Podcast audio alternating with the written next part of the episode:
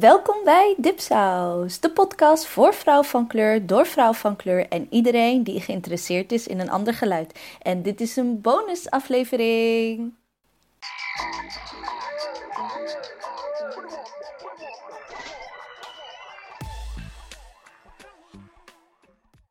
Hallo, Mariam hier en guess who's back? We hebben even een korte seizoenstop gehad, maar we hebben zeker niet stilgezeten. Jullie hebben vast wel het boek Hallo Witte Mensen gezien van Anousha Nzume, uitgegeven door onze EBC van AUP.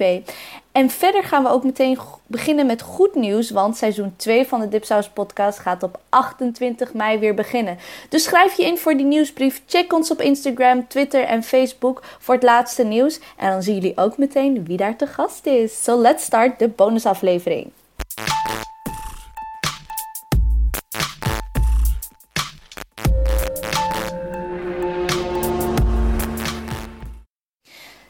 Rest of this episode is going to be in English because this bonus episode is with Dr. Amina Wadud. She's a black Muslim woman calling upon all Muslim around the world to reinterpret Islam and the Quran. She lives in the United States and she, her, she specializes on gender and Quranic studies. She delivers la khutbah, which are the Friday sermons in um, Islam, which has you know, caused a lot of controversy and a lot of heartache at the Muslim uh, men. Um, so she came and visited us in the Netherlands to lead a prayer and do a lecture on um, Islam, gender, and women. So, what you're going to listen to is a small group of Muslim women at the Moroccan Women's Organization for Moroccans in the Netherlands. Um, it's a it was an intimate dinner because Amina really wanted to talk to Muslim women in the Netherlands and hear about their experiences in a Dutch context. Um, so you're gonna hear a little bit of that dinner, and also you're gonna hear a short um, part of her lecture in Paradiso in Amsterdam. So enjoy. Everything, everything, And I was just like, what? that was the one thing that was positive about having a period. So I'll be giving a little introduction and context to every part that you listen to um, of Dr. Amina's conversation and lecture. So this is about the month of Ramadan. So the month of Ramadan is coming closer. Uh, when you'll be listening to this, it will be in less than a week. And we were talking about how women um, are not allowed to fast during the month because of their period, so the blood flow. So a woman should be drinking and eating um, for her for health reasons. But a woman is not allowed to pray or hold the Quran for some. But those are not health reasons. So, shouldn't we revisit these restrictions on women? Um, you know, these restrictions come from in back in the days when you didn't have tampons, when you didn't have the pads or cups, and there was really a blood flow, so women couldn't really control their blood in the spaces. But shouldn't we revisit these kind of restrictions and apply them to the modern times we live in now? So that's what the conversation here is about uh, not only a, a, natural but also a necessary part in order for us to, to procreate the way it stands now, right? So why do we? I mean, I, I do believe. I mean, not all of this, not all of these ideas are completely formulated in my head. As I said, I'm working on some research now about um, sexual diversity and human dignity. Um, the idea that to to to know that there's some representation specific to the female body because she is eating or drinking in Ramadan, you know, to, and then to have that be a bad thing or then taboo, we, we really have to unpack how it becomes a taboo because um, it, it is a reality. You know, like, I don't know, like there are a lot of Muslim families, you raise your kids and, you know, no sex outside of marriage.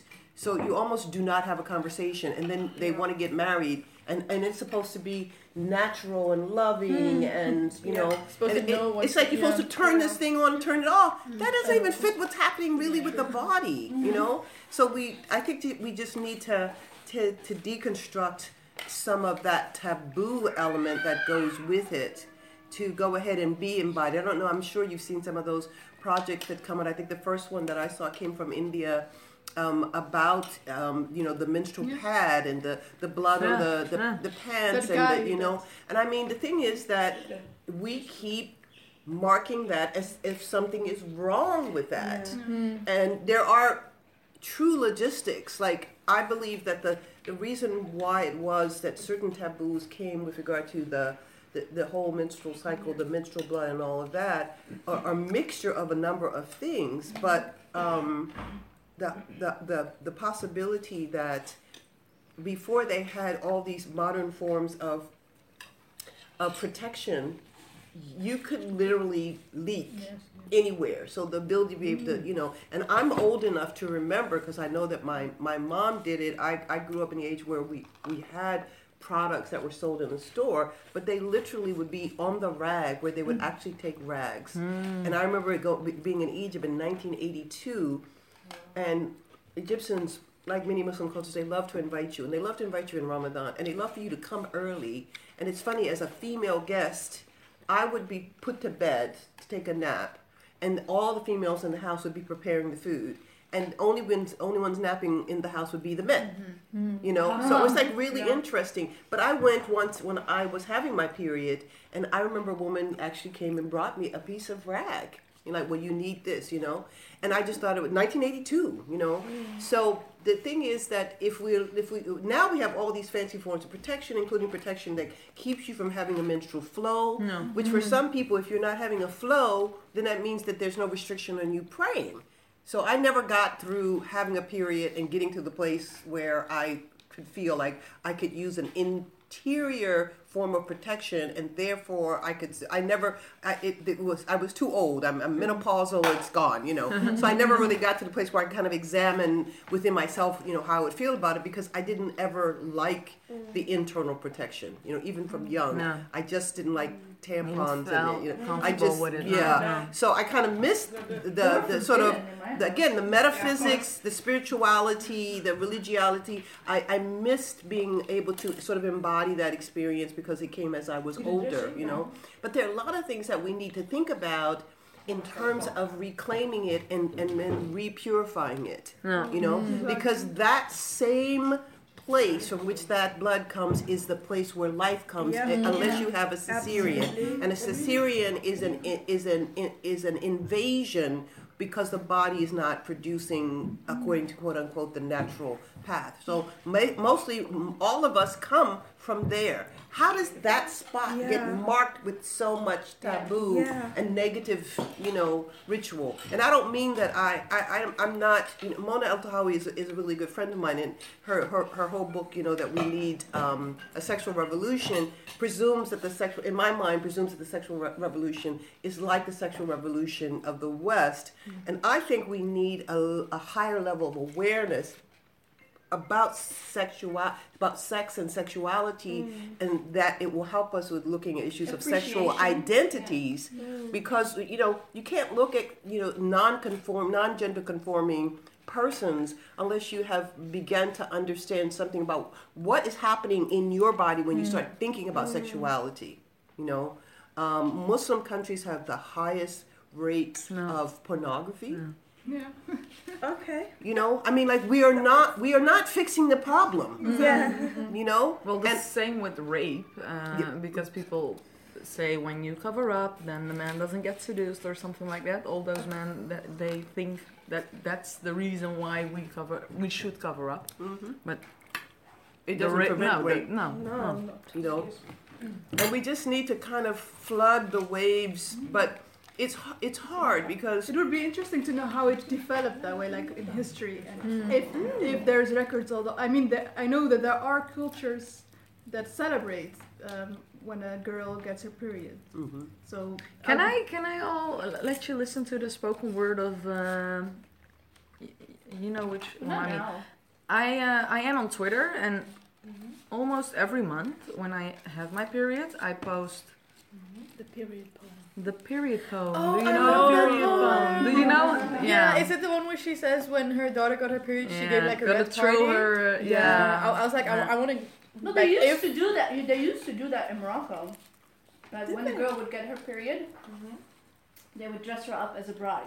Mm. So Wow. Yeah, yeah, but they still do it sometimes. Okay. I know here in the I know a few peop, uh, Moroccan people that I know from a certain um, region. When she, the girl had her period, there was a big there was a big party, and I was like, yes, let's go.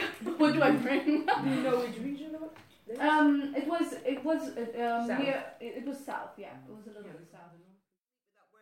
Oh my God, it's four hours. I maybe I should get up. You know, just the whole how do we? That's what made me think that in the time of the prophet, when they had you know certain taboos with regard to the mosque or the prayer rug or the Quran, even that they had those because who had control over those mm-hmm. products? There were no products. Yeah, definitely. You know, and I mean now they've got all this new stuff. They've got the cup. They've gone back. They've got the cup. I want they've the got cup, cloth yeah, pads, yeah. so uh-huh. you don't you know Yeah. do stuff with the environment and everything. I mean, Even, even in a piece of underwear, I think these days. yeah. Yeah. Um, so I mean, they just we just have to make it in such a way that if you if you if you don't bring it out of the closet, you're mm-hmm. not going to be able to. Eh, Facilitate it you know mm-hmm. and then you know we're going to have daughters we're going to have Yeah. nieces and you know we we want to have that or even you know I, I know with my daughter who's she's done the Actually, it's part of you know, like it is. It's part of the, the fact that I'm pregnant now, is because I got the period in the first place. Yeah, exactly. It's beautiful, actually. not to have the challenges be trying to meet someone else's assertion of a standard because then that person is in between you and God. Yeah. You know, Mooi. and, Yeah. Mooi. and we don't know how to. Te- I mean, I've tried to work with five children. I try to teach them to have a relationship with God and not have a relationship with everybody's interpretation and everybody's, you know, uh, you know, sort of cultural way of doing it. Because um, all of these are endless, and that's the beauty of it, right? But if you are working consciously in terms of your relationship with the law, you are going to challenge yourself and you are going to hold yourself accountable for certain things and you are going to try to you know improve on yourself. So let that be the standard. But then you know what you do with your hair or for example i mean i have like it's a lot of work you know? So mm-hmm. i do know what is involved in terms of it for me mm-hmm. And i know what i have to do in order to be able to both satisfy the challenge in terms of my you know islamicity and um, you know the challenge in terms of my particular attempt to, to try to have dreadlocks. Uh, but i don't communicate that as like a public um, standard. You know like everybody has to do it like this. No. no no. No. I think when I have these conflicts and when I think, oh, okay, I am, I'm detaching myself from the jurors, how it's supposed to be, and then mm.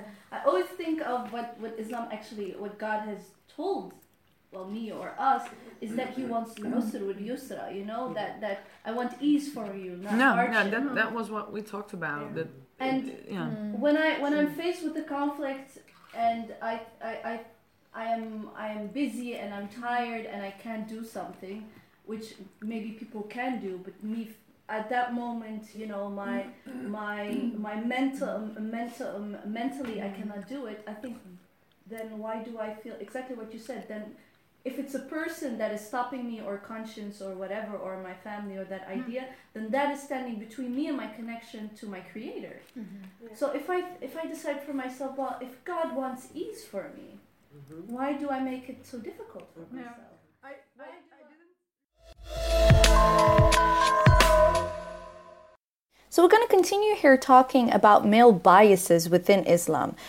Because we're talking here about when, um, you know, in Christianity, the, the idea is that God created man in his image. But in Islam, you don't really have that. So, where does that leave the woman's body? When in Islam, usually when you have a rule, a female body has a different rule. So, is the exception. So, what does that do to the experience of women in Islam? And by the way, if you hear cats, those are not cats in your garden or balcony or your cats fighting. They are just two Amsterdam cats being really in love and flirting. okay, so technically in Islam, we don't have this idea that we are created in the image of God.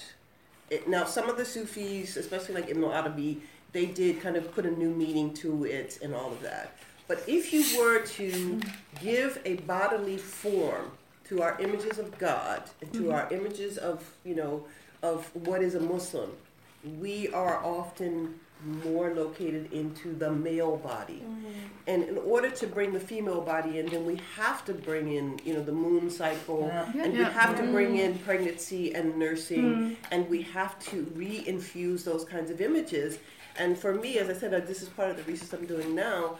There are so many lovely, like every surah except for one begins with Ar-Rahman and Rahim, which the, the root form is Rahim, which is the womb, you know. So in a way, there is this female embodiment of God. If you look at the the, the Jamal attributes, but we have emphasized throughout our intellectual history more of the Jalal attributes and more of the male mm. attributes.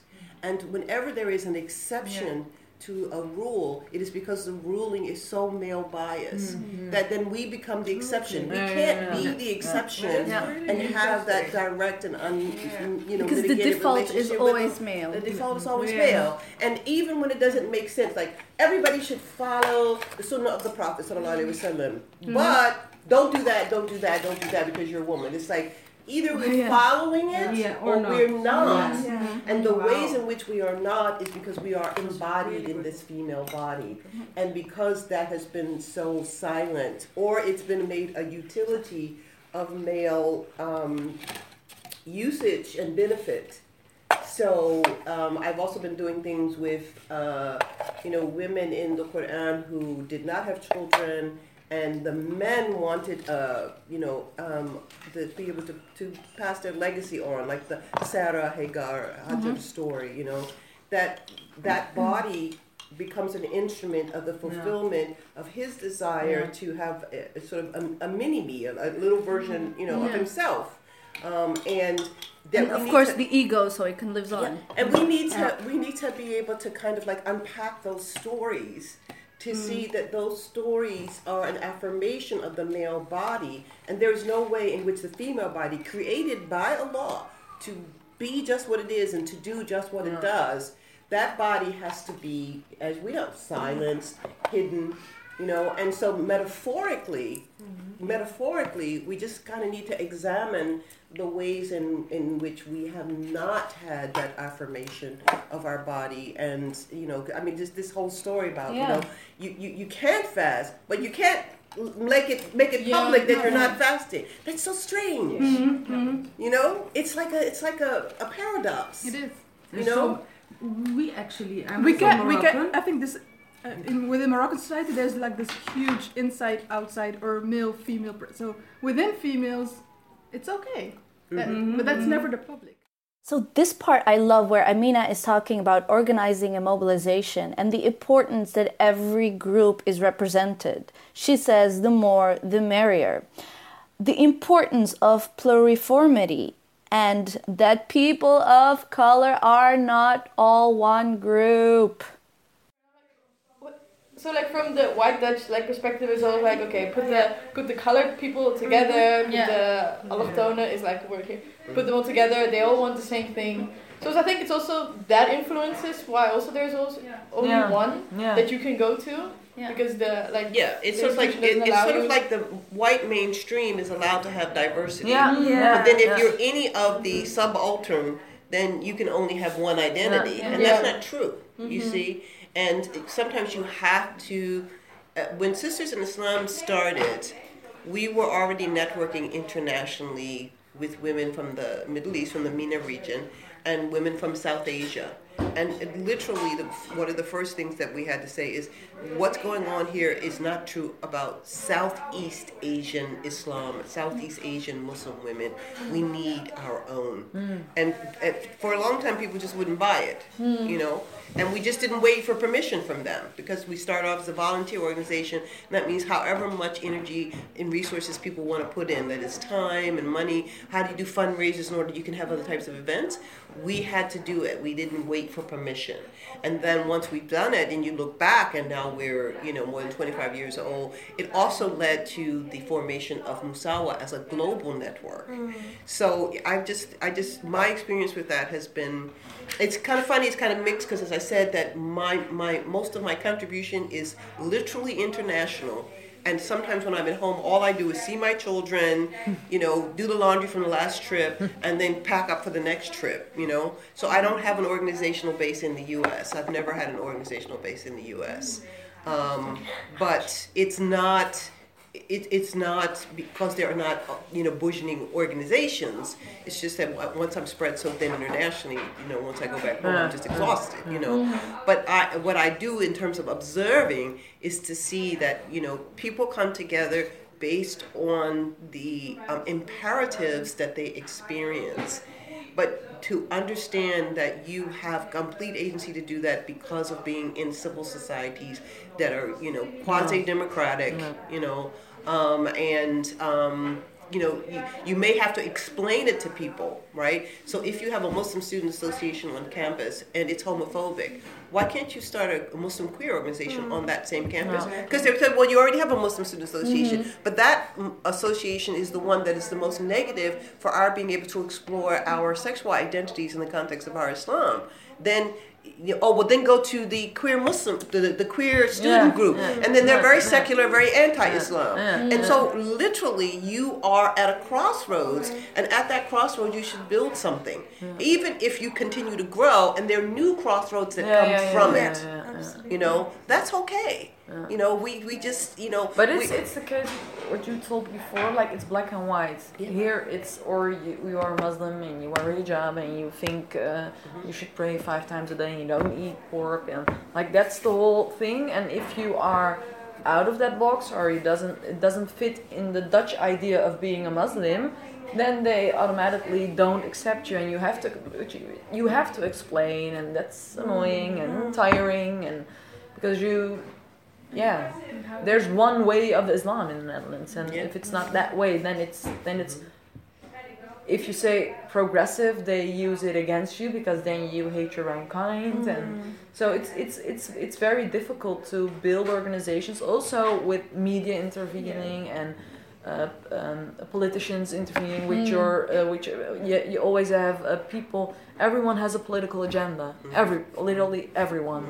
Uh, so if you apply for certain, uh, with Lesbinas we applied uh, with the Muslim pillar. Mm-hmm. Mm. Yeah. In the United States, African Americans who are Muslim form the single largest Muslim ethnic population. Mm. And yet we are the least yeah. represented. Yeah. Mm. You know? And you just have to keep on plugging away at it uh, first because okay we are only like 22 23% of of the muslim population but every other group is less than that mm. like 20 21 16 whatever percent right until you get 100% of muslims right so although we are the sing- single largest yeah.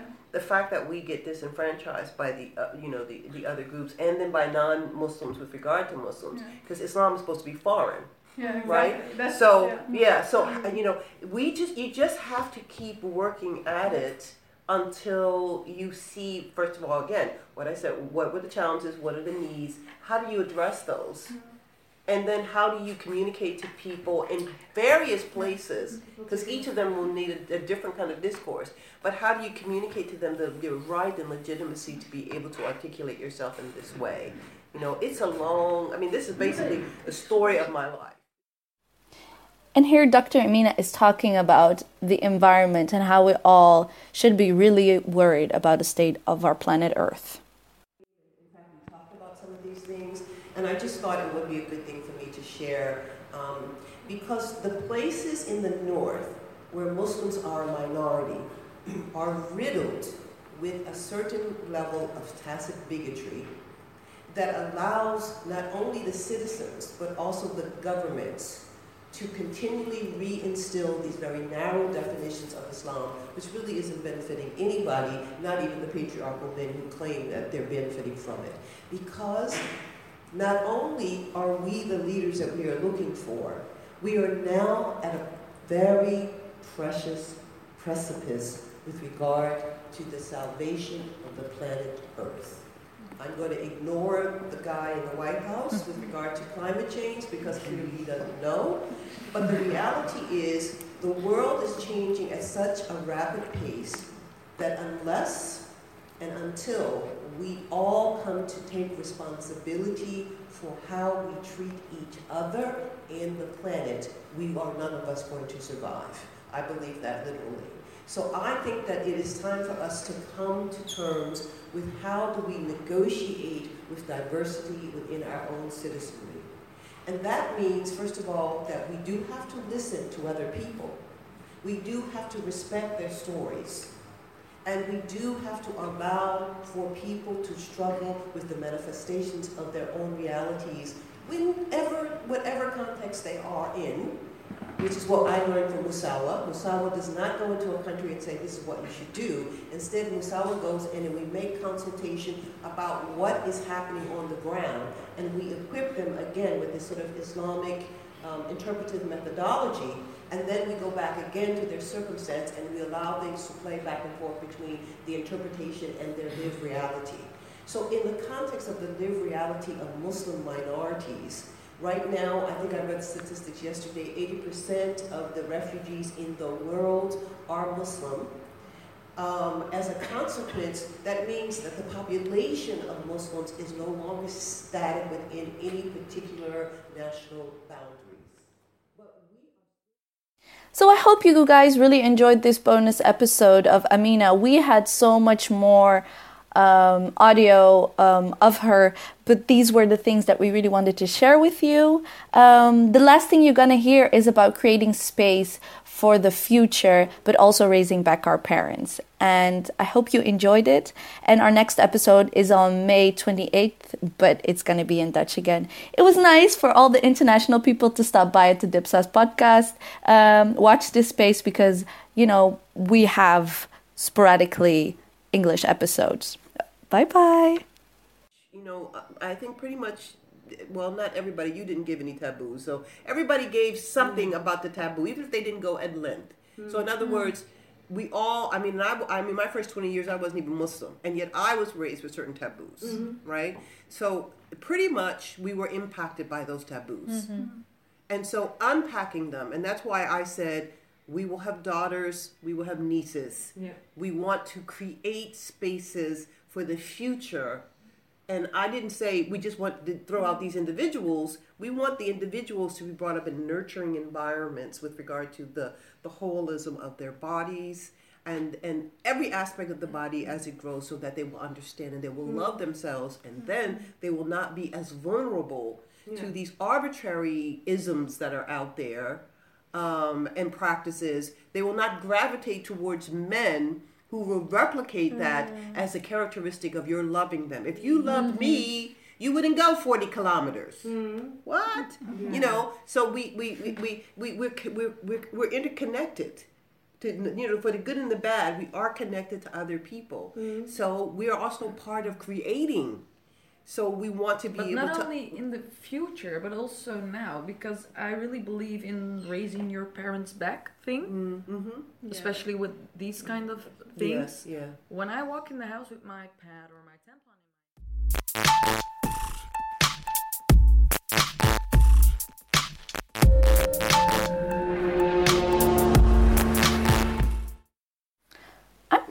do miss Ebissé and Anousha. I'm sitting here alone in my room talking to my phone for this episode. Where is everyone? Hello?